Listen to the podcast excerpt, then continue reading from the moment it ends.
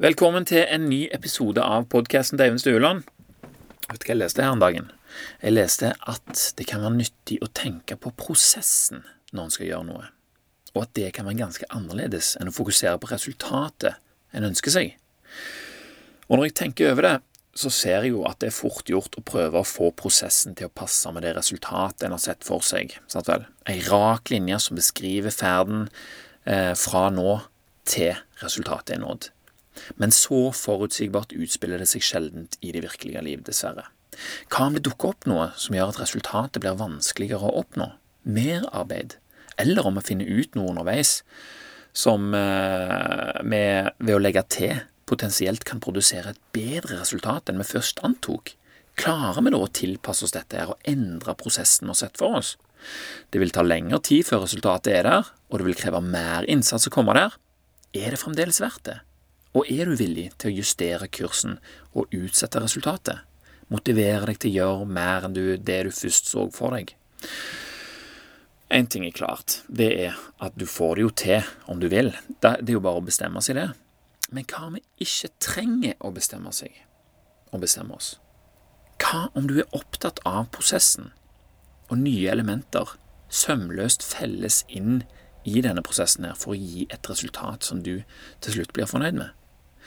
Først når jeg hørte dette, her, så forsto jeg det sånn noenlunde, men etter hvert som tankene har modna, og jeg har fått tenke over det og sett det litt i praksis eh, i mitt eget liv, så ser jeg jo hvor mye dette her har å si.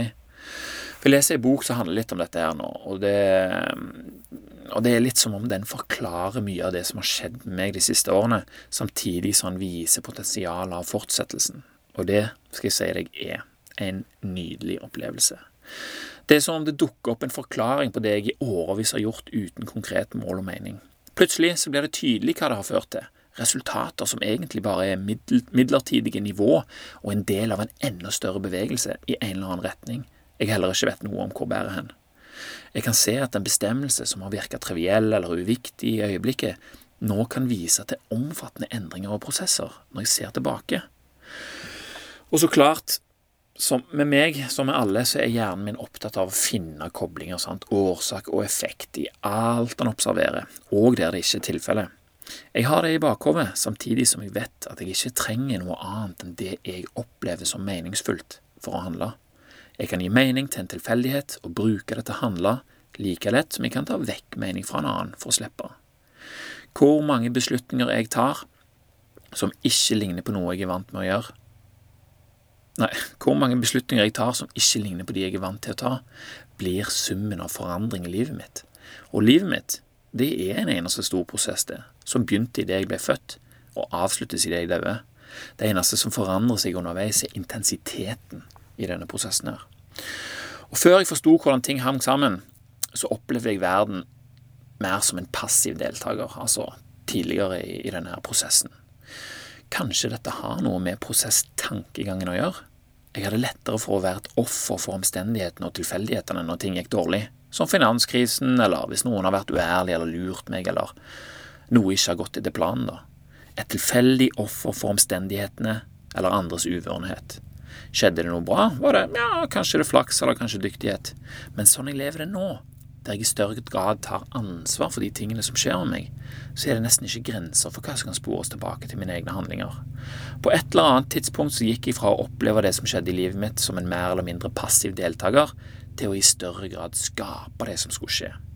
Det tok lang tid før jeg forsto at det var det som hadde skjedd, men det var et generelt ønske om endring og en forbedring som satte det hele i gang i sin tid. Altså, hvem vil vel ikke endre på noe eller forsøke å oppnå noe, oppleve noe nytt? Det er faktisk en del av menneskets DNA. Prøve å få det bedre. Problemet er ofte at vi ikke forstår hva vi kan endre, hvordan vi kan endre det, og hva vi skal endre til. Vi kan se for oss et mål, men vi blir forvirra når vi møter på uforutsette hindringer på veien. Hva kan skje med motivasjonen da, når man ser målet bevege seg vekk, samtidig som innsatsen fram til nå har vært kanskje forgjeves? Da er det best å trekke seg tilbake til det som er forutsigbart, det som er standardinnstillingene. Sant? Mitt trygge liv sånn jeg kjenner det. Og det gjaldt for meg òg. Jeg ville noe, jeg visste ikke hva, men jeg gjorde litt sånn forskjellige ting som jeg hadde følelsen av at var bra. Prøvde å lese litt bøker og gjøre det jeg trodde var rett ut fra det jeg visste. Av og på innimellom, sant, for det var jo ikke noe mm, mål med det, eller jeg visste ikke hva målet var. Jeg endte alltid opp mer eller mindre rundt det som var mine standardinnstillinger den gangen. Fordi det skjedde jo ingenting. Jeg kom jo ingen vei. Det føltes litt forgjeves, og da forsvinner motivasjonen. Men det var ikke forgjeves. Jeg hadde begynt å øve meg på å prøve nye ting. Samtidig så ble jeg bedre til å se hva jeg kunne prøve på. Fremdeles visste jeg ikke hva det ville føre til, men jeg var i stand til å bygge motivasjon når jeg oppdaga noe som jeg ville prøve. Og en dag var den tingen jeg ville prøve, noe som viste seg å endre på absolutt alt. Det ble en av de tingene som har gjort størst endring i livet mitt, det som gjorde det mulig for meg å ha kontroll og ta ansvar for alt som skjedde med meg. Jeg kommer ikke på noen hendelser som har forandret hvordan jeg lever, livet mitt mer eh, enn når jeg begynte å skrive ned tankene mine og få oversikt over beslutningene mine. Og Da skal det òg være sagt at jeg er gift med ei fantastisk kone, jeg er far til to fantastiske barn. Og bryllup og fødsler det hadde òg stor påvirkning på meg, men ikke så mye som når jeg begynte å skrive uten mål og mening. En ærlig sak. I retur så kan jeg si at skrivinga har gjort meg i stand til å sette pris på og ta ansvar for forholdet mitt til både kona og ungene på en rikere måte enn jeg hadde sett for meg. Og Jeg husker den dagen det skjedde. Jeg leste om eh, Jeg hadde faktisk hørt om Morning Pages litt før, på en podkast-episode, men eh, jeg leste om det òg i, i Tools of Titans en gang Jeg hadde fått noen til jul. Og der sto det bare kort om hva denne her boken om Morning Pages hva den innebar. da. At jeg skulle skrive ned det første og beste som datt ut av hodet mitt når jeg våkna om morgenen. Så det gjorde jeg. Jeg ante ikke hva denne prosessen ville føre til. Alt jeg visste, var at folk som hadde gjort dette, hadde oppnådd suksess. Ganske vagt, men likevel lovende. Å sette meg ned for å skrive noe uten et resultat i sikte, uten at jeg skulle levere det inn eller i det hele tatt vise det til noen, var en så fjern tanke at jeg ble flau og måtte le av meg sjøl. Og attpåtil så var det ubehagelig uvant å skulle skrive ned det som var tankene mine. Jeg var bare vant med å ha det inni hodet, ikke bevege de over på andre eh, medier. Jeg kunne faktisk tenkt på tusenvis av ting som jeg heller ville brukt tid og kapasitet på. Jeg var vant til å yte kun om det var en hensikt med det, et forventa resultat. Jeg hadde vaska lister i stua tatt ut av oppvaskmaskinen og polert bilen før jeg hadde satt meg ned for å skrive. Bare for å skrive noe. Hadde det ikke vært for én liten ting som hadde brent seg inn i pannelappene mine. Og det var at alle de som gjorde dette her, som tok fatt på den prosessen, oppnådde deres egen definisjon på suksess av kanskje 100 som hadde fått denne boken om morgen, eh, morgensidene, så var det kanskje 10 som hadde lest den. Og så var det kanskje 5, 6, 7 som gjorde som foreslått. Men av de 5, 6, 7 som gjorde som foreslått, som satte seg ned og handla i nuet uten noe fast mål eller mening, så fikk 100 av de oppnådd resultater for seg sjøl som de bare kunne drømme om. Jeg hadde ikke nerver til å la dette her være uprøvd. Og Den dagen tok jeg en beslutning om å gjøre noe annet enn det jeg vanligvis gjorde. Fokusere på en prosess uten å ha den fjerneste anelse om hvor det skulle bære hen. Og jeg skulle gjøre det nå, ikke seinere. Over de neste tre månedene så sto jeg opp grytidlig og produserte tre håndskrivne sider hver eneste dag. Og det jeg fant ut, og gleden over å finne det ut, og, øh, og, gleden over å finne ut mer og mer følte til at jeg begynte å beskytte denne vanen som noe verdifullt som jeg ikke ville miste. For det var det det var. Jeg begynte å utføre flere handlinger som var annerledes enn før. Det var ikke lenger noe vits i å tilbringe kvelden foran TV-en når jeg kunne tilbringe den samme tida på en produktiv og mentalt utvidende skrivesesjon neste morgen. Dessuten så hadde jeg lyst til å være uthvilt når jeg skulle gjøre dette her. Jeg hadde lyst på en start på dagen som skapte overskudd for meg sjøl, overskudd som jeg kunne dele ut til resten av familien. Jeg kunne gi, de òg en god morgen, og de kunne ta denne gode morgenen med seg ut i sin hverdag. Denne ene handlingen den dagen skapte en hel arena for nye handlinger som kunne gå i alle verdens retninger. De kunne gå hvor som helst, for det var ikke lenger prega av å måtte ha et formål eller kreve et resultat. Jeg hadde opplevd at jeg fikk den største belønningen av alle når jeg ikke forventa den. Bøkene jeg hadde lest fram til da, hadde jeg noenlunde spesifikke forventninger til sant? i denne her søkeperioden før dette her. Jeg skjønte ikke hvorfor jeg skulle bruke mange timer på ei bok jeg ikke visste om jeg fikk god avkastning fra. Hvor mye gikk jeg glipp av når jeg, let, når jeg lette etter noe eller forventa noe når jeg leste en bok, istedenfor å bare lese den og oppdage det som tilfeldigvis fanger interessen min? Etter hvert som jeg gikk over til å lese bøker av lyst og nysgjerrighet istedenfor, så fant jeg ut at jeg lærte på flere nivåer og i flere retninger enn hvis jeg hadde en forventning om å lære noe. Den forventa belønningen jeg hadde sett for meg, sånt som jeg leste bøker den gangen, kunne blokkere for de tilfeldige og uventa belønningene som eh, gjemte seg. Og det er jo de som gir mest dopamin, og dermed mest motivasjon til å gjøre det mer. Ved å utføre det som en slags oppdagelsesprosess, så kunne jeg fange opp og anvende i en helt annen grad enn hvis jeg hadde en agenda og forventa et resultat. Ser du forskjellen på de to der? Når jeg tenker på det nå, så minner den der formålsmotiverte lesingen meg om, om hvordan skolebøker fungerer. Er det kanskje der den følelsen kommer fra? På skolen så fikk vi fag vi skulle ha, og bøker som skulle lære oss det faget handler om.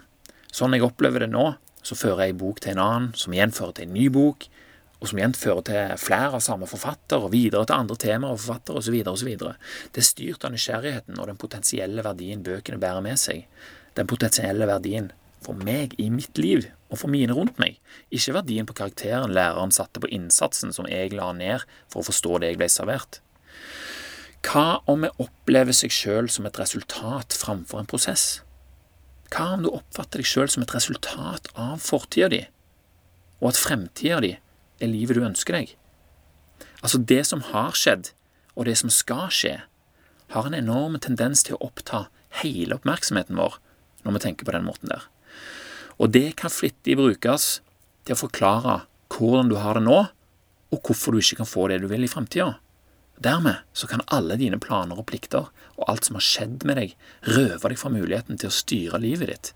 Hvis fokuset ditt er på fortid og framtid, så er det der energien går, og hvis det er tilfellet, så er det ikke så mye kapasitet igjen til å handle i det som er nå. Er du med på den? Hvordan skal vi finne energi til å gjøre endringer om alt handler om fremtid og fortid? Endringer er vi nødt til å gjøre her og nå, ikke før og ikke seinere. Og når det er sagt, så vet jeg jo det at vi er gode til å planlegge og gjøre en endring seinere, men det vil jeg kalle en av de største bedragene vi utsetter oss sjøl for. Når den bestemte tingen vi har planlagt havner i nåtid, så er det ikke alltid vi har lyst til likevel.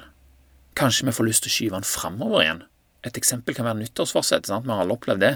Vi har det i framtida i flere måneder, og når endelig eh, framtida kommer, så får vi lyst til å skyve den foran oss igjen, til fremtiden, der vi er vant med å ha den. Kanskje vi prøver det ut en liten stund, lenge nok til å finne ut at resultatet vi hadde lyst på, krever mer enn vi først trodde. Dritt. Vi får ikke nok dopamin, og motivasjonen svikter. Vi utsetter det til 1. februar, eller ja, kanskje til etter påske, og så kommer mai, du skjønner milde med alle fridagene, så eh, vi tar det til sommeren. I framtiden i alle fall. Vi er vant til å fokusere framover på det vi skal gjøre, og de vi skal møte, og hvor vi skal dra. Og hvis fokuset er i framtiden, så er energien vår òg der. Og når framtiden endelig kommer, så er vi ikke der heller. Vi har allerede flytta fokuset framover igjen, på alt det vi skal gjøre etterpå, og de vi skal møte, og hvor vi skal dra. Hvis vi fortsetter å gjøre det vi alltid har gjort, så vil vi fortsette å få det vi alltid har fått, var det noen som sa en gang. Å gjøre endringer i nuet er ikke en del av det vi alltid gjør. Når vi endelig klarer å ta oppmerksomheten vår bort fra fortid og framtid, så har vi kapasiteten foran oss i nuet og kan skape nye erfaringer i livene våre. Og det var det som skjedde den dagen jeg begynte å skrive, og det er det som fortsatt skjer hver eneste gang jeg tar meg tid til å gjøre det. Det er så enkelt, men allikevel vanskelig. Steven Pressfield har skrevet noen bøker som snakker om det. Uh, en av de heter Turning Pro, den andre heter The War of Art. Den tredje heter Do the Work. Og i alle de bøkene så snakker han om det som han kaller for resistance. Motstand. Den følelsen du får som hindrer deg i å sette i gang prosessen du vet du trenger eller du har lyst på. Prøv deg på denne testen her neste gang du skal sette deg ned i sofaen for å se på TV. Du har sett det for deg, kanskje hele dagen, at du skal sitte og se på TV til du skal legge deg, for du fortjener det, det du tenker. Bildet du har lagd deg i hodet, er av det du har tenkt å gjøre. Og når du står der, akkurat i det øyeblikket du skal til å ta fatt i fjernkontrollen, så skal du stoppe opp og bestemme deg for at i kveld så skal jeg heller sette meg ned med ei skrivebok og en blyant og skrive ned det som faller, meg inn, like lenge som jeg har planlagt å se på TV. til tross for at du har gleda deg til å se på TV. Hva er det som skjer da? Den følelsen jeg tipper du opplever i kropp og sinn når du, dette, når du er i dette øyeblikket, den strittingen der, det er det som er kraften av motstanderen din. Resistance, som Stephen Pressfield kaller det for. Motstanden. Og om du kjenner etter, så sitter den i kroppen din, faktisk. Ikke så mye i hodet. Kroppen er vant til å gjøre ting og vil fortsette å gjøre det. Det vil ikke høre på rasjonalitet i forhold til alternativet. Hodet er dessverre altfor svakt til å handle med kraften til kroppen og motstanden som finnes i han. Det må noe kraftigere til for å kue han. Skikkelig handlingskraft. Den driven som jeg hadde den første gangen jeg skulle gjøre dette her. Den overbevisningen. Det stritta godt imot, og jeg måtte le av meg sjøl for å komme over det. Og når jeg tar meg tid til å skrive og jobbe med meg sjøl i, nuet, da tar jeg fokuset fra fortida og framtida og bruker det til å skape endringer i nuet, som er med på å forme den framtida, istedenfor å håpe på den. Da åpner jeg opp for at tilfeldigheten kan få en mening som jeg kan handle etter. Akkurat som den dagen jeg fikk melding fra domeneshop.no om at eh, domenet mitt skulle slettes. Jeg hadde gitt opp podkasten og bestemt meg for å droppe domenet og ikke lage mer eh, episoder. Hadde ikke gjort noe mer enn på syv-åtte måneder, og jeg hadde feila.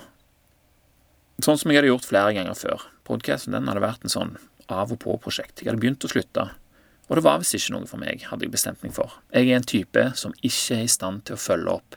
Bekrefte mønstre fra skoletida, fortida. Det er andre personer som får sånn til. Folk som har hatt en annen fortid. Jeg vet ikke helt hva som gjorde det, men det endte opp med at de betalte regningen for nok et år likevel. Det var jo ikke akkurat store summene, det er 120 kroner eller et eller annet sånt. Men det som skjedde dagen etterpå, var det som gjorde at dette her ga mening. For det var den dagen jeg leste i Tools of Titans, og det var den dagen jeg begynte å skrive. Jeg satte meg ned, og jeg skrev det som falt meg inn, akkurat som disse andre jeg hadde lest om, hadde gjort. Og da fant jeg ut mye. Og jeg fant ut hvordan jeg skulle få til ting, og hva jeg måtte gjøre for å få det til. Og jeg ville gjøre det. Det ble tydelig for meg, og det kom masse, masse, masse motivasjon. Også kjent som dopamin når jeg gjorde dette her. Jeg fant blant annet ut at jeg, kunne, ja, jeg kan lage podkast-episoder uten gjester jeg, hver gang. Det er jo mye lettere, det. Dette ble en av de tilfeldighetene som jeg valgte å gi mening jeg kunne handle etter. Å skrive det jeg tenker, har endt opp med å gi meg mer mening enn hva jeg noensinne kunne forvente. Livet mitt var bra fra før, men nå er det opphøyd til et nivå som jeg overhodet ikke kunne sett for meg. Kunne jeg ha sett det for meg, så hadde jeg ikke visst hvordan jeg skulle komme der. Prosessen og nuet tok seg av det helt på egen hånd, bare jeg lot han få litt spillerom. Og podkasten er blitt en slags sånn kontinuitetsfaktor i dette. her. Den sørger for at jeg fortsetter å skrive og lese og gjøre ting sånn, så jeg, sånn at jeg har noe å lage episoder av. Hadde jeg ikke hatt det, så hadde jeg kanskje Jeg hadde kanskje fortsatt å lese og skrevet, men jeg tror ikke jeg hadde gjort det med gjort det like mye og med like stor iver. Det gir motivasjon å gjenfortelle det jeg finner ut, og dette har ført med seg at jeg har skrevet ut en bunke med notatbøker for hånd hundrevis av sider på Google Docs, kanskje tusen til og med, og jeg har lest en hel haug med bøker som jeg tidligere ikke ante at fantes engang. Hva det skal være godt for, det aner jeg fremdeles ikke. Jeg vet bare at jeg er lykkelig, og jeg føler ikke jeg har gitt opp noe av det jeg gjorde før, for å ha det sånn som jeg har det nå. Jeg er snarere fri fra det, og på toppen av det hele så har jeg en familie jeg er i stand til å gi det aller viktigste jeg kan gi, nemlig meg sjøl. En far og en mann som bryr seg og engasjerer seg, og har muligheten til å handle i forhold til sine intensjoner. Som ikke bare tenker på det han burde ha gjort. Hver eneste dag så minner jeg meg sjøl på dette her, sånn at det kan fortsette. Hvis jeg slutter med det, så avtar effekten. Dette er en prosess som fortsetter så lenge det er energi i den, og det er det som er min oppgave. Er dette livet jeg har nå, noe som har skjedd med meg? Nei, dette er noe som jeg har gjort helt sjøl via prosessen. Jeg er ansvarlig for det, og jeg eier det, og jeg fortjener faktisk å ha det sånn. Det var jeg som gjorde det. Og det er vel få som sier det bedre enn den bonden jeg så på der ingen skulle tro at noen kunne bo. Til tross for at han lever et liv som er hardere enn det, med, enn det de fleste av oss hadde tålt. Jeg spiller ikke lotto, for å si det sånn. Hvis jeg skal ha noe, skal jeg pinadø fortjene det. Og i det ligger essensen av dette her. Og med det runder vi av for denne, for denne gang. Send meg gjerne en melding om noe av dette ga mening. Gi meg beskjed om det er noe du lurer på. Takk for nå. Takk for meg, og tusen takk til deg som hørte på. Vi snakkes i neste episode.